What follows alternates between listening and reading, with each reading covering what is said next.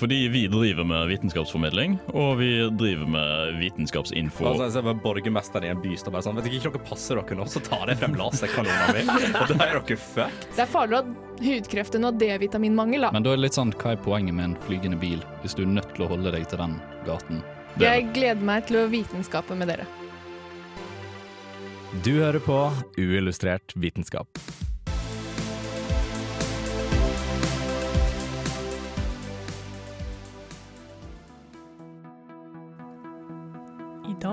Skal vi prate om sansene våre.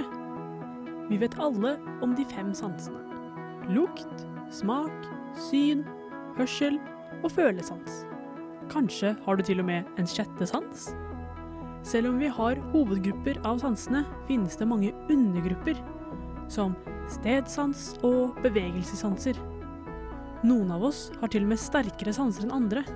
Hva er det som skiller de fra oss andre?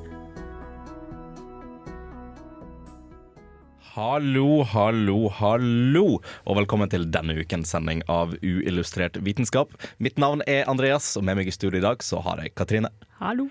Og vi har med en, en gammel traver, holdt jeg på å si. Det er en stund siden du er på nå, men velkommen til deg, Hans Ysternes. Det begynner å bli fryktelig lenge siden, men jeg er klar for action. Du er klar for action? Ja, visst. Eh, og da tenker jeg må bare spørre dere rett ut med en gang. Åssen er sansene deres? Vil dere si de er gode eller dårlige? Altså, Jeg liker å si at jeg er blitt velsignet med forferdelig dårlige sanser. Alle sansene mine suger. Jeg har veldig svakt syn, så jeg må gå med sånn skikkelig sterke briller på minus sånn fem og en halv. Mm -hmm. uh, jeg har dårlig luktsans, lukter nesten ingenting.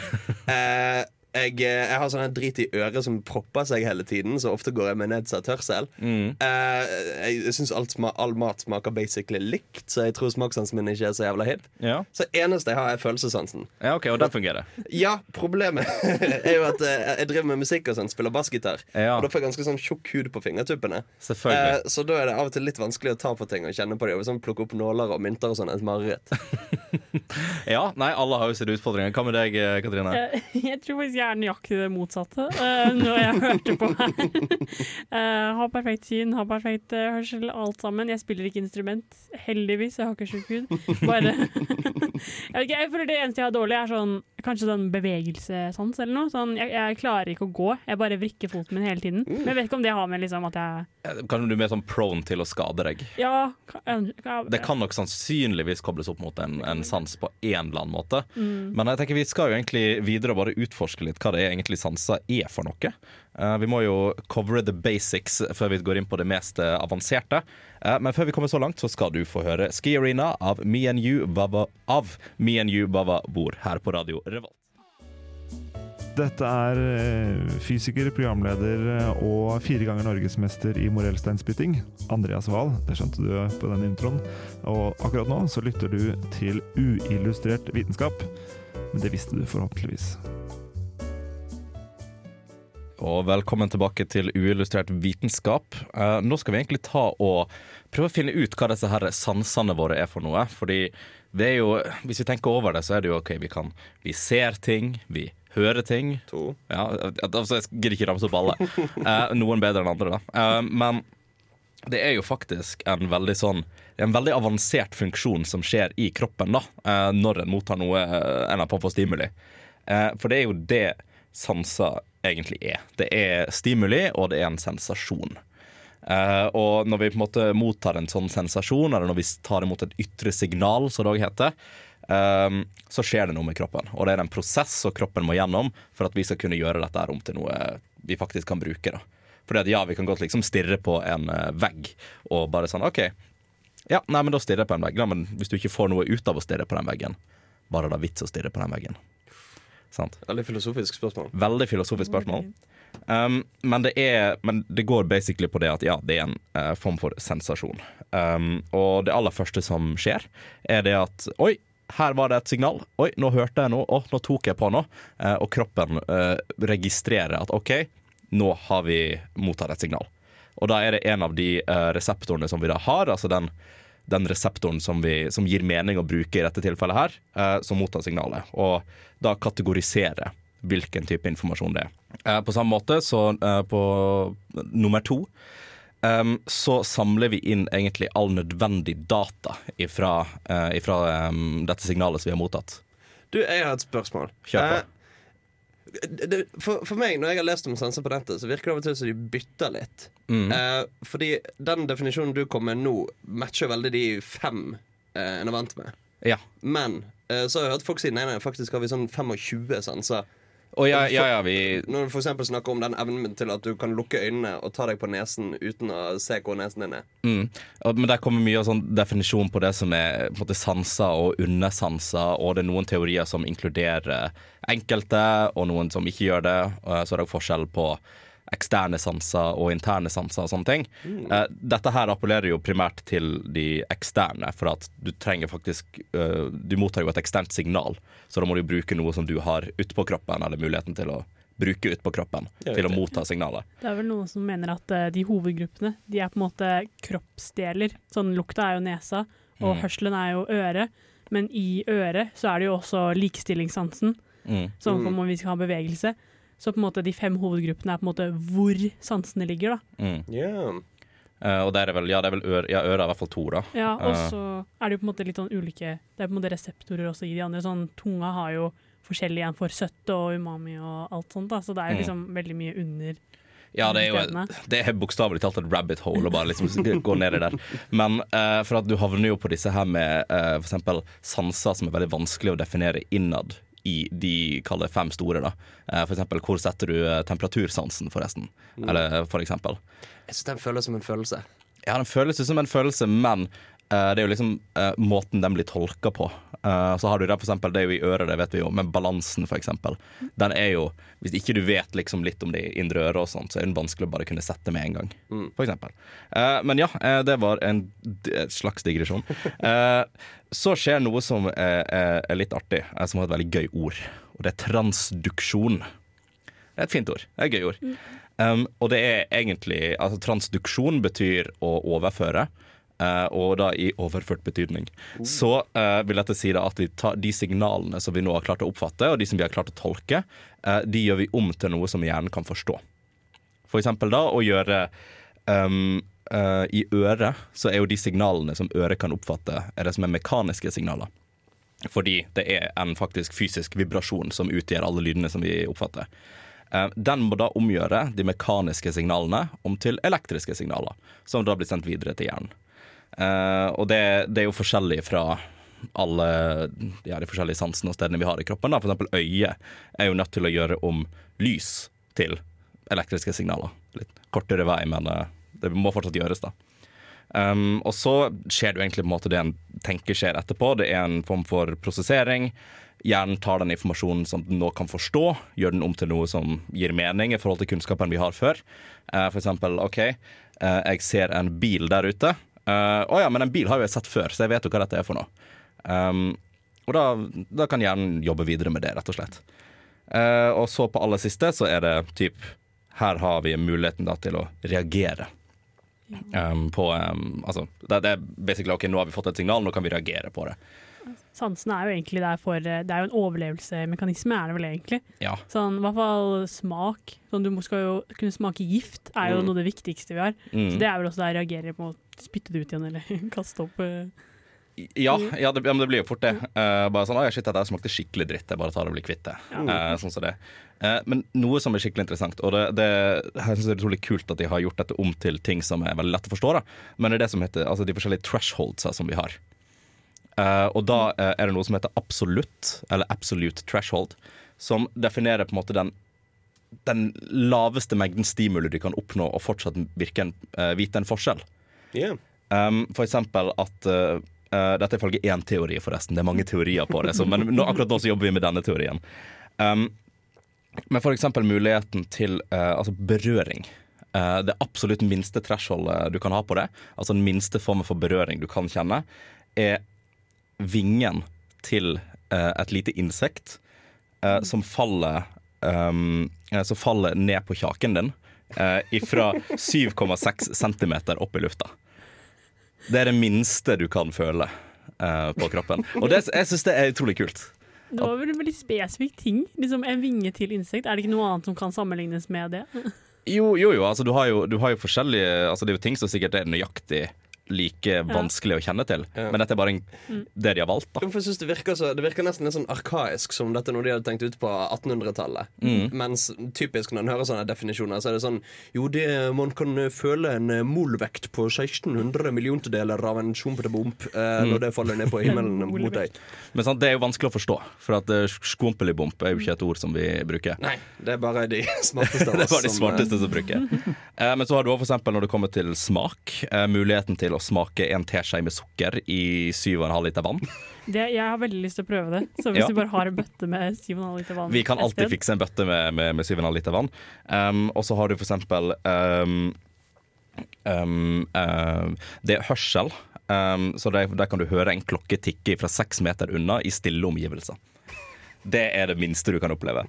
Uh, men Det er i hvert fall det, det som er oppfatta vanligvis. Men du har òg en teori som sier at ok, dette er det minste rundt 50% av befolkningen kan oppfatte. Fordi Selvfølgelig har du noen freaks. Selvfølgelig har du noen freaks, rundt 50% av befolkningen, eh, som, eh, som eh, ikke forstår det, da, eller som ikke hører det. Eh, men vi skal faktisk gå litt videre. Fordi at vi eh, skal egentlig ta en liten titt på det som er supermenneske, eller de som har eh, sanser som er rett og slett bedre enn våre, da. Spesielt dine, Hans. Uh, og, så det, det skal vi egentlig ta og gjøre nå, men før vi kommer så langt, så skal du få lov til å høre 'Question' av Finding Neo her på Radio Revolt. My name is Dr. Donna Nelson. I'm a professor of chemistry at the University of Oklahoma, and you're listening to Unillustrated Science.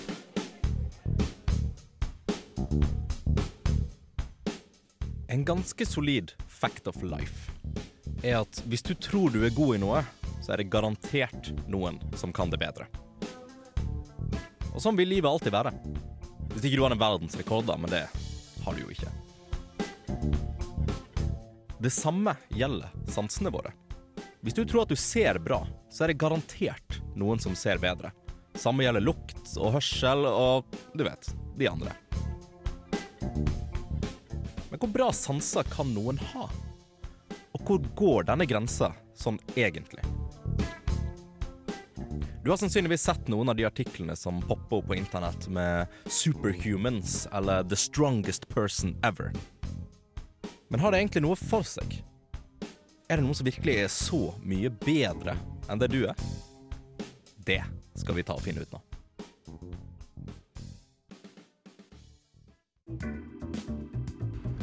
Hei, Torfinn eh, Borchhus fra NRK her. Du hører på Uillustrert vitenskap. Og nå skal vi finne ut om det finnes eh, rett og slett overmennesker der ute, eller folk som er bedre enn oss. Tror dere det finnes noen som er bedre enn oss? Nei. Nei. nei. OK. Da, La, la meg prøve igjen. Ja. Ja, det tror Ja. jeg Riple. det tror jeg òg.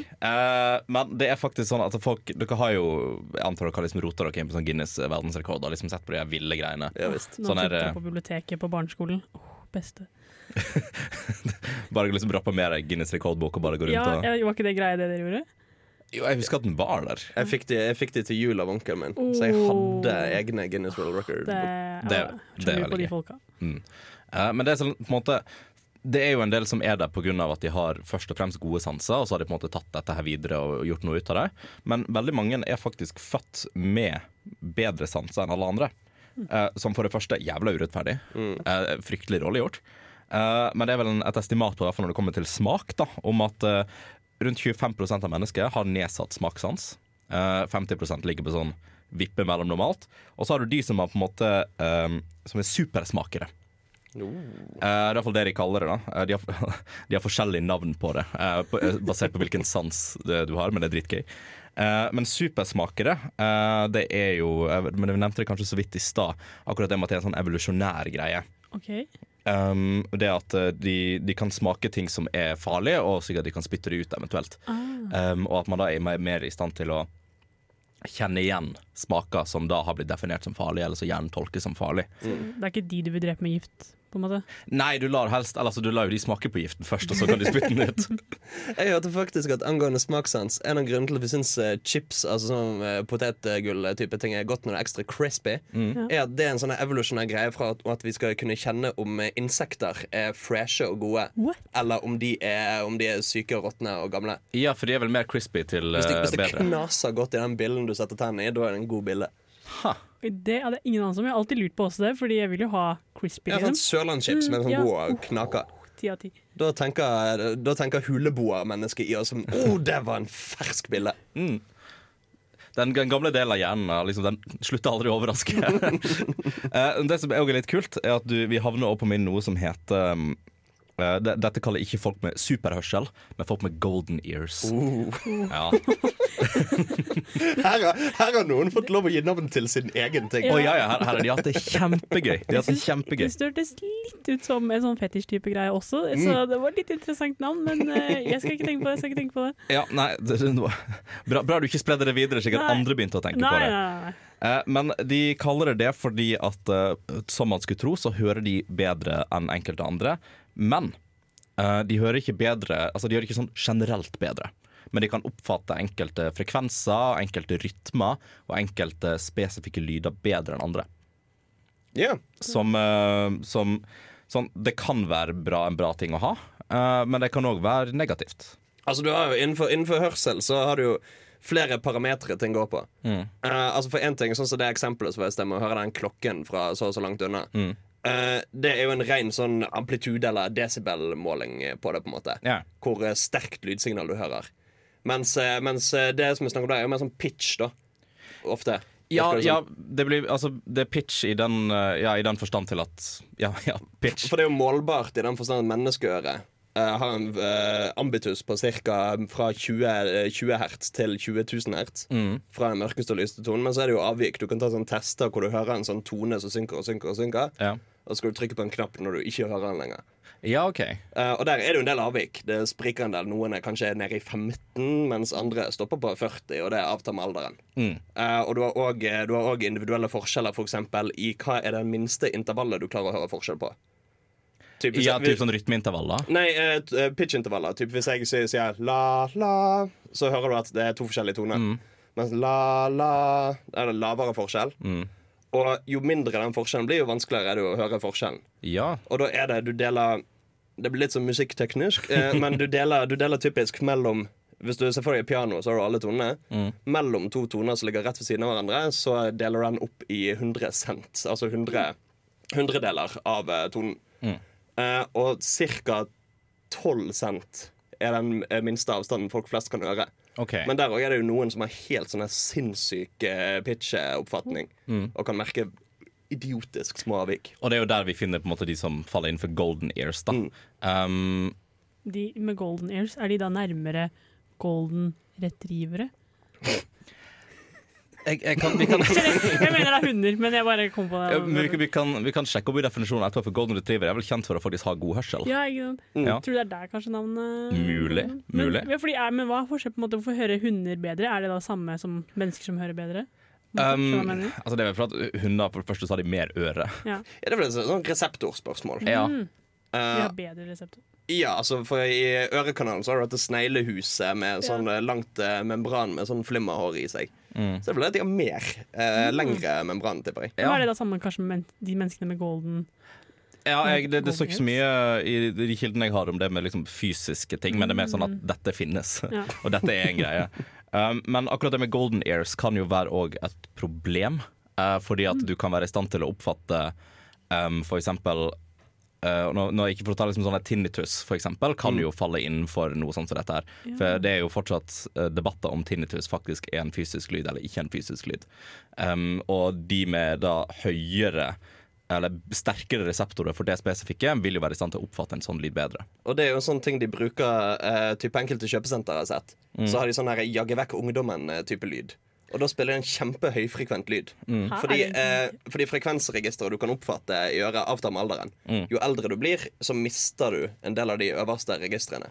Så da kan du spille en lyd på typ 18 000 hertz. Mm. Eh, og gamlingene hø hører ikke den, de merker ikke at den er der, mens ungdommene klikker for det er en sånn pipelyd. Mm. Eh, hjemme hos oss, hjemme hos mor min, så har vi en lampe som piper. Jeg hører den pipingen, mamma gjør ikke det. Så Ja. hver gang jeg er hjemme, må jeg gå bort og skru av den lampen.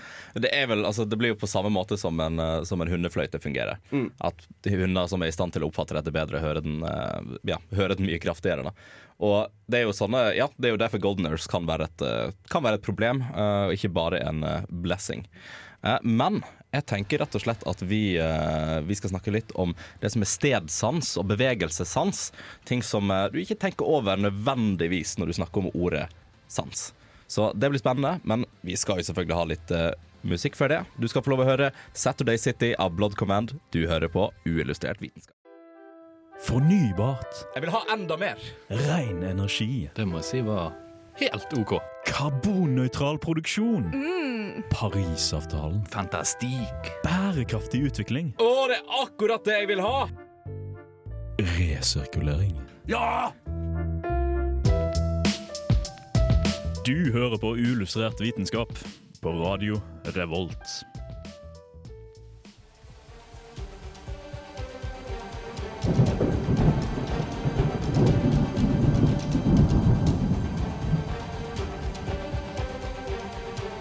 Prøver å finne sola, slik at du kan forstå hvilken retning du står i.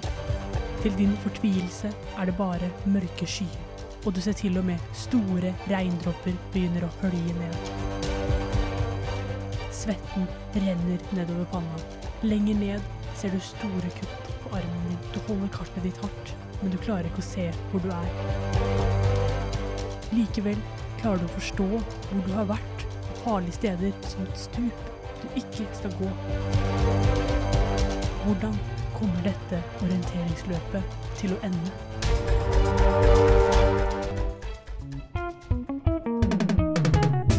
We're Isabella Fritz. And Evelyn Milburn. We research language in the brain at NTNU. And you're listening to Unillustrated Science at Radio Revolt. Og åssen gikk egentlig dette her eh, orienteringsløpet? Uh, nei, eh, det gikk greit. Hun overlevde. Hun overlevde? Ja, det er venninna mi. Kjente henne. Kjente? Er litt sånn Ja. ja. Det var flere ordløp da etter det, for å si det sånn. ja, OK. Nei, eh, ja, det handler jo liksom om eh, retningssans, da, det her. Mm. Har dere noen gang fått beskjed om at dere har forferdelig retningssans? Ja. Perfekt. Akkurat Altså- det jeg vil opplyse. Det tok meg ca. Altså, i hvert fall to år å bare sånn kunne navigere gjennom Trondheim sentrum. Å, herregud. Ja, det var, det var helt krise. Altså jeg hadde jo, når jeg gikk med kontaktlinser, så var, hadde jeg sovnet på en fest eh, midt i byen en plass. Mhm. Eh, og så eh, hadde jeg tatt av meg linsene når, eh, før jeg sovnet, så jeg måtte liksom komme meg uten å liksom kunne se. Måtte jeg komme hjem Og da bodde jeg jo borte med Studentersamfunnet, Ja. men eh, eh, endte opp borte på Rockheim før jeg Å, klarte å se hvor jeg var. herregud. Det er det verste jeg har hørt. Ja, så, men der er jo da sånn de sansene Der var jo du veldig hemma, føler jeg. Ja. Det var ikke sånn at du Jeg kunne hadde ikke mye å navigere etter. Trondheim er sånn den letteste byen å orientere i. Også, på ja, det er ganske Det- lineær. Ja, Ja. og det er liksom det er elva, og liksom du går, der har du den, og der har du samfunnet. Og, men jeg skjønner, det kan være vanskelig for noen, kanskje. Men er er det det som er med på å definere mye av retningssansen? Det å kunne følge landemerket? Eller Ja, det har på en måte med at du er observant, da, rett og slett. Mm. Om du husker hva du husker. Så selvfølgelig, Hvis du aldri har sett samfunnet, så er det jo vanskelig å skjønne yeah. hvor det er. Det, det skal jeg være enig i. Men eh, nei, eh, retningssans går jo innenfor da stedsans, Ja. som er en type sans. Som jeg vet ikke hvilken undergruppe det går inn i. Det var jo det vi diskuterte. Det er jo litt vanskelig å definere det. Ja, for at der har du jo på en måte en del av de indre sansene som blir litt annerledes igjen. Du kan kanskje ikke koble like mye opp mot den altså, For å navigere så kan du jo bruke både hørsel og syn og lukt. Ja. Og, Det er kanskje mye synet det går igjen i, egentlig. Men det er kanskje også litt sånn som eh, Så vi skal snakke om senere når vi kommer inn på musikk og sånn, men eh, eh, minne og det å skape seg en slags romforståelse mm. eh, kan jo ha en del å si der. At du kan på en måte huske OK, greit, jeg så Tyholttårnet Mm. så sånn ut i sted, og nå ser det sånn ut. Da burde jeg gå i denne retningen. Ja, ja, det har mye med stedsans å gjøre. Fordi eh, det er jo egne nerver i hodet man kan se da, når man skal prøve å finne ut av hvor man er hen, og hvor man står hen. Mm. Uh, det har blitt forsket på. Jeg liker jo å bruke lokale kilder, og det har blitt forsket på her NTNU, selvfølgelig. Hey. Knytter litt for det. May-Britt Moser har forsket mye på det, uh, nemlig med de vi ligner mest på, rottene. Mm. Vant ikke hun en nobelpris? eh? Nå spør du litt vanskelig. Jo, det tror jeg. Det tror jeg. Ja. Ja. Jeg er ganske sikker på Hun at har gjort veldig bra forsøk her, i hvert fall. Hvis ikke, så fortjener hun det. Ja. Ja, det må jeg si. vi gir henne det akkurat her nå. Uillustrert nobelpris. Ja, og Ja. den er gjev å få. Ja. Eh, men uh, her i hvert fall da, så kunne man se på disse rottene at uh, hvis de var i et rom, og hvis det var i den nordlige delen av det rommet, da, Mm. så kunne man se sånne der ørsmå elektriske pulser Mm. i hjernen. Og da så du at noen av de ja, lyste opp, da, for å snakke på en forståelig måte. Uh, og hvis det var i uh, østlige delen av rommet, så var det noen andre steder som lyste opp. Så den, liksom, den skjønte at den var yeah. i forskjellige steder. da. Okay. Og det er litt forskjellige sånn type celler som på en måte får informasjon her. Uh, og det er noe gitterceller som gjør på en måte at Det er det vi snakker om, da. Å huske på en måte hvordan det så ut. Siden du har observert og sett der og der. Der er samfunnet, der er Elgseter bru. Eh, og så er det også eh, grenseceller, som var litt det eh, ordløperen snakket om, da. Mm. Med stup og sånt. Fordi eh, hjernen din klarer å på en måte oppfatte hva som er farlig. Eh, Men er det da ting som vi på en måte allerede har definert som farlig, eller er det den der eh, gamle evolusjonære hjernen som er- bare sånn Den gamle evolusjonære uh, Det er huleboer. huleboer Det er huleboer, ja, ja. Eh, som ikke kan forstå det. Uh, så det jeg skal fram til, er at dere som har dårlig retningssans, dere har ikke noe grunn til å ha dårlig retningssans. Fordi dere har de cellene også i hjernen deres. Er sånn er Jeg føler meg litt angrepet her, skal jeg være helt ærlig. Jeg må ta litt sånn morsrollen her, føler jeg. Litt sånn prek. Så du shamer oss fordi vi har dårlig retningssans? Fordi det er ikke sånn at dere har mindre av disse cellene eller noe, at dere er født eh, med dårligere dårlig mulighet da, for å kunne finne fram. Men det finnes vel avvik til på en måte alt? Det er selvfølgelig. Det må de jo gjøre. Mm. Men det det egentlig er, er at eh, du, da, som eksempel ikke fant hjem Mm. fordi eh, du Jeg antar, nå skal jeg ikke dømme, men at du kanskje hadde drukket litt, grann, kanskje Ja, sett andre en og annen dråpe alkohol i løpet av aftenen. Og da hadde du kanskje vært fokusert på litt andre ting enn rundt omkring. Så det er nettopp det der sånn, Hvis du er turist i en by, da, og du ser på å, menneskene, masse rare mennesker her, og Mm. hvordan går de der? Går det en bagett under armen? Da er Paris, og jeg Mm. ser rundt meg. Masse italienere som hoster og Ja, ikke minst. Da løper du.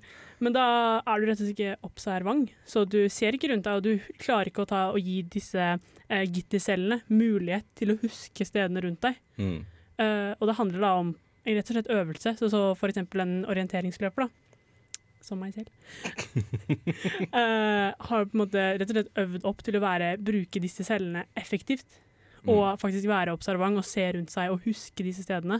Så hvis man aktivt går inn for det, så kan hvem som helst ha god retningssans. Det er veldig sant. Mm. Og det er jo, altså Noe av det vi mennesker bruker mest når det kommer til egentlig, egentlig alt vi gjør, er jo the power of association. Mm. Og det er jo på samme måte som altså når, Spesielt når du nevner det, at noen går med en bagett under armen, Ja. så assosierer du det for at å ja, det er en typisk, eller en stereo, dette tilfellet stereotypisk eh, ting som eh, passer til franskmenn. OK, kanskje jeg er i Frankrike. Mm. Men det, skal, og det er på samme måte i orientering, da, så assosierer jo du det bildet av et tre. Med et tre i virkeligheten. Fordi at oi, dette er jo bare en tegna versjon av dette. Ja.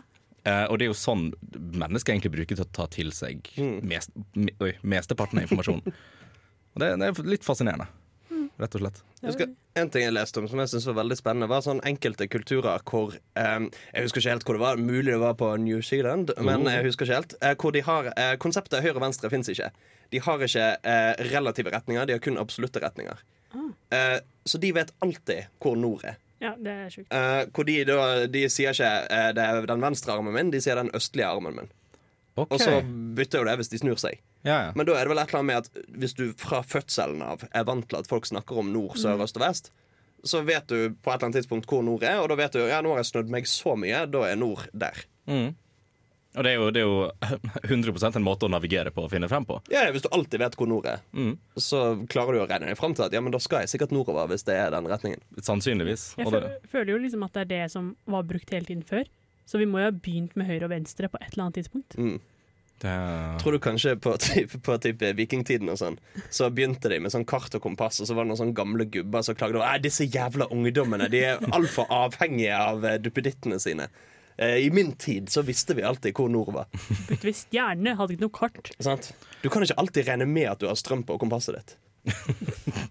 som var det store problemet rundt den tida. Men det var vel også, for, altså, før så var jo navigeringsmetoden sola. På, på de fleste måter. Ja, stjernehimmel. stjernehimmelen. Er sola, stjernehimmel, Uh, og da oppfinnelsen av soluret gjorde jo veldig mye. Og, eh, og er det, er det Opphenta penta... Sekstanten. Sekstant. er det Ja, sekstanten, jeg skal til å nevne det. Eh, var jo brukt veldig for å navigere havet. Eh, så generelt mye, mye artig som en kom på på den tida. Da. Eh, og det var, jo, det var jo på en måte en tid der du kunne finne opp eh, Egentlig bare finne opp hva som helst og bare kalle det noe, og så plutselig så ja, kunne det, kunne det brukes. Så. Men vi skal litt inn og se på, som du nevnte i stad, ga en liten teaser på, at nå skal vi snakke litt om det med musikk. eh, og liksom hva er, er rytme? Sans? En faktisk sans? Hvem vet? Hvem vet? Men før det så skal du føre Hora Madonna av Cezinando her på Radio Revolt. Hi, this is Grant Sanderson from the YouTube channel 3 Blue 1 Brown, and you're listening to Unillustrated Science. Musikk, Hans Ysternes, er jo en Ting. Definitivt en ting. Eh, og noe som vi har drevet med litt sånn for alltid. Ja. Ja, ja, det har de funnet spor til langt bak i tiden. med De har, altså, de har funnet spor av uh, musikkinstrumenter, typisk enkle perkusjonsinstrumenter, fra før vi hadde språk. Ja. Uh, så musikk har vi alltid hatt. Og du utfordret jo meg litt på dette begrepet med rytmesans. Ja, jeg tenkte at det ligger jo Altså ordet sans ligger jo der, ja. så da må det jo være noe. Det er noe. Altså, for dette er Det finnes så mye forsk forskning på dette. Mm. Uh, og det er, mye, det er mye som går på veldig sånn der science greier med sånn hvordan hjernen fungerer, og sånn Og så er det mye som er basert seg på kulturelle greier. Mm. Eh, med sånn Ja, men hva bruker vi det til? Hvordan, hvordan skal vi snakke om det? Hva er musikk? Mm. Uh, for det er et sånn eh, spørsmål som er jævla vanskelig. Og eh, folk prøver seg på en definisjon. Så bare sånn, ja ok, Men her har du tusen eksempler som ikke faller inn under den definisjonen. Men da har du jo sånn hva, hva, er, hva er kunst? Hva er liv? Ikke hva sant? er ja. Men du har jo uansett uh, definisjon eller ikke, så har du jo utvilsomt noe som heter rytme, og noe som heter musikk, som en kan snakke om. Mm. Um, og da er det Altså, altså det, er en, det er jo en sans vi har for det i den forstand at når vi plukker opp eh, Når vi plukker opp uh, lydsignaler, så merker vi jo detaljer som for eksempel eh, tone og det som heter timbre. Mm. Altså det frekvensområdet lyden beveger seg i. Okay. Hvor du, har, du kan ha en lyd som har mange overtoner og annet rusk og rask inni signalet, som gjør at det ikke er en ren lyd. For, Ok. for eksempel, altså, du har en sinusbølge. Den lager en helt ren tone. Da er det kun én tone du hører. Mm. Alle andre lyder, sånn som lyden av min stemme Hvis jeg synger la, så er det ikke bare den tonen du hører egentlig. Du hører masse andre småtoner som du hører veldig forsiktig i bakgrunnen, som skaper den lyden som er meg, Hans Ysternes, sin stemme. Ok, Men blir det på en måte regnet som en slags forstyrrelse? Nei. Altså det, altså det er jo ikke en forstyrrelse i den grad at hvis det ikke hadde vært det, så hadde lydbildet rundt omkring vært jævla kjedelig. Ja. eh, da hadde alle lyder bare hørtes ut som eh, den, eh, den lyden du hører når du ringer til noen. Summetone er en sinustone. Ok. Eh, alt hadde vært den lyden hvis vi ikke hadde hatt dette, så det er veldig bra. Oh. Men eh, det er det øret oppfatter av liksom detaljer rundt lyden som har med den slags å gjøre. Som har med farge og timbre og alt sånt å gjøre. Og så har du det rent rytmiske, og da fungerer det sånn at hjernen din kan oppfatte her begynner en lyd, og her slutter en lyd, og så lenge varte den. Mm. Og her har du en sånn gruppering, her har du en ny sånn gruppering, og her har du enda en sånn gruppering. Og se etter en sammenheng mellom disse. Okay. Så i den forstand så oppfatter nervesenteret ting som rytme eh, basert på en slags puls i alt dette. Eh, hvor du har liksom, Hvis du har en rytme som går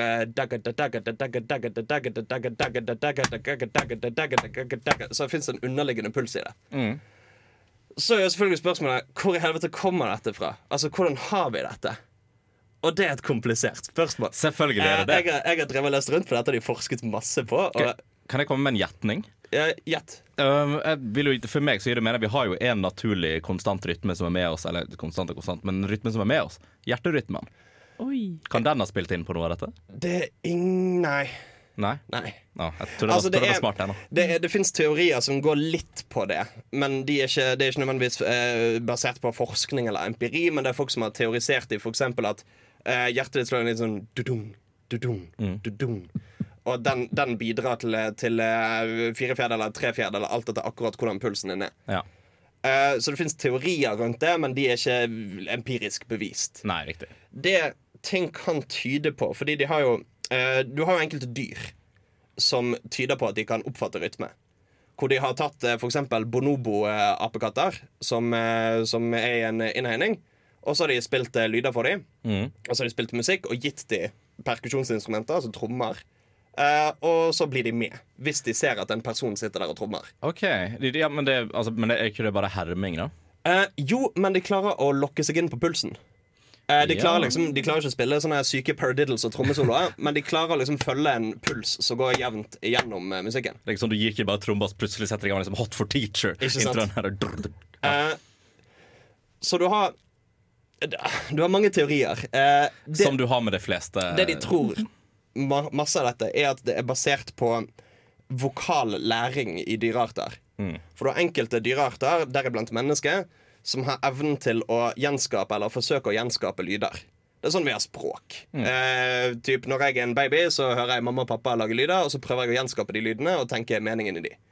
Eh, på lik linje så har du for eksempel, eh, hatt eksempler hvor elefanter prøver å imitere lyden av biler og den slags.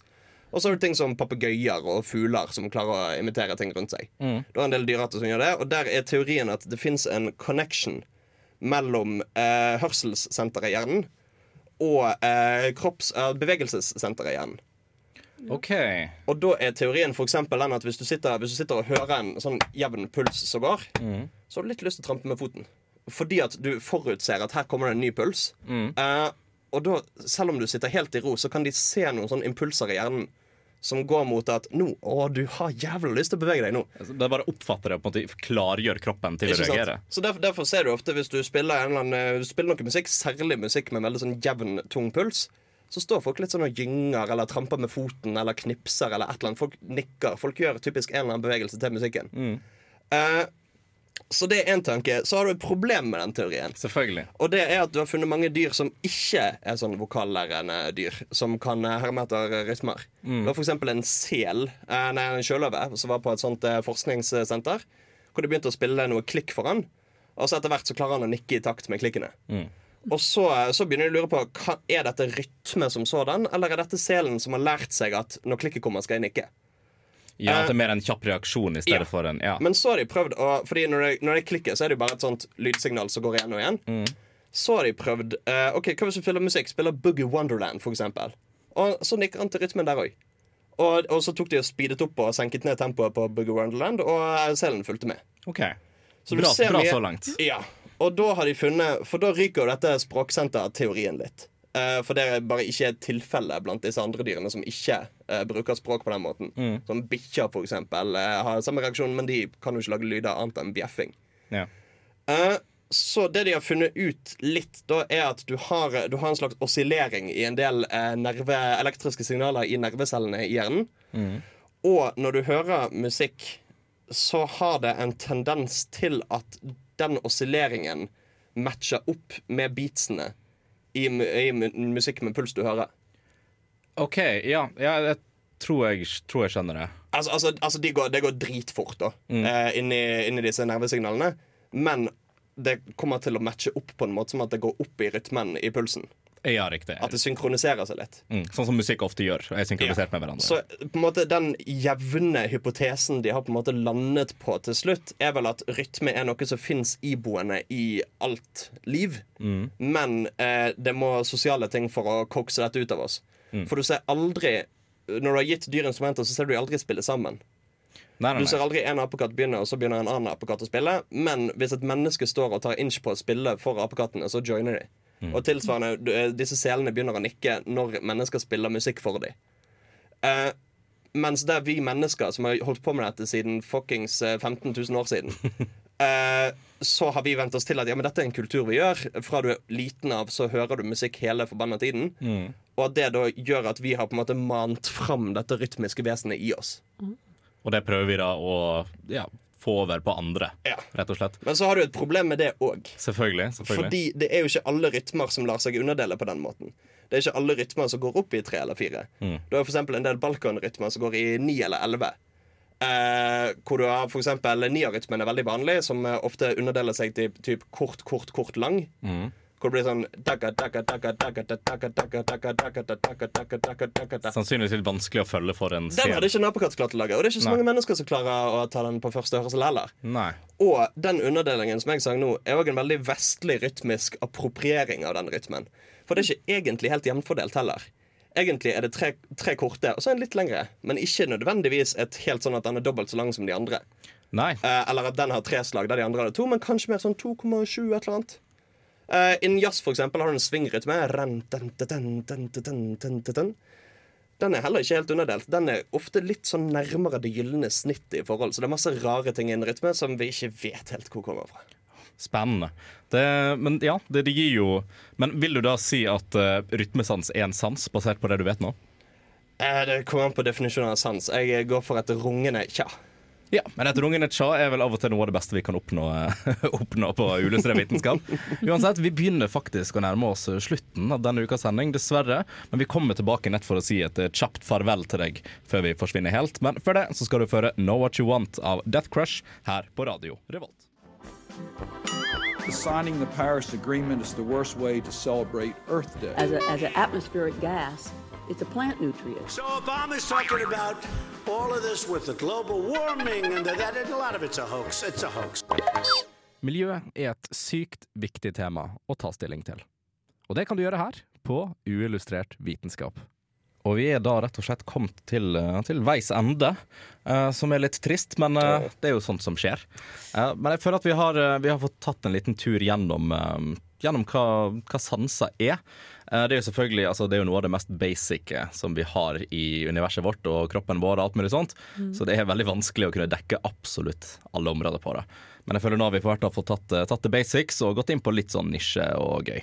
Mm. Uh, uansett så kan jo du der hjemme finne uillustrert vitenskap på uh, egentlig overalt. Men uh, primært så kan du finne oss på diverse podkasttjenester og radiorevolt.no. Du finner oss òg på Spotify. Uh, og det er alltid sånn, du der hjemme, hvis du lurer på et eller annet, hvis du har lyst til å stille oss et spørsmål, komme med litt, uh, litt uh, krass kritikk, så finner du oss selvfølgelig på, um, på Facebook. og du har med muligheten til å sende oss en melding der, samtidig som muligheten til å sende oss en Instagram-DM hvis du har lyst til det. Viktig å plugge, plugge alt vi har. Ja, eh, men uansett så vil jeg si tusen takk eh, for i dag. Tusen takk for at du, Hans Hystanes, kunne ta turen innom. Du er hjertelig velkommen tilbake, selvfølgelig. Og mm. tusen takk til deg, Katrine. Tusen takk for at jeg fikk lov til å snakke med dere. Den faste delen av programmet. Så måtte du komme i studio.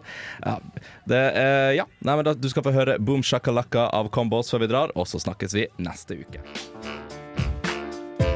Du lyttet nettopp til en podkast fra Radio Revolt. For å høre flere av våre podkaster, gå inn på radiorevolt.no.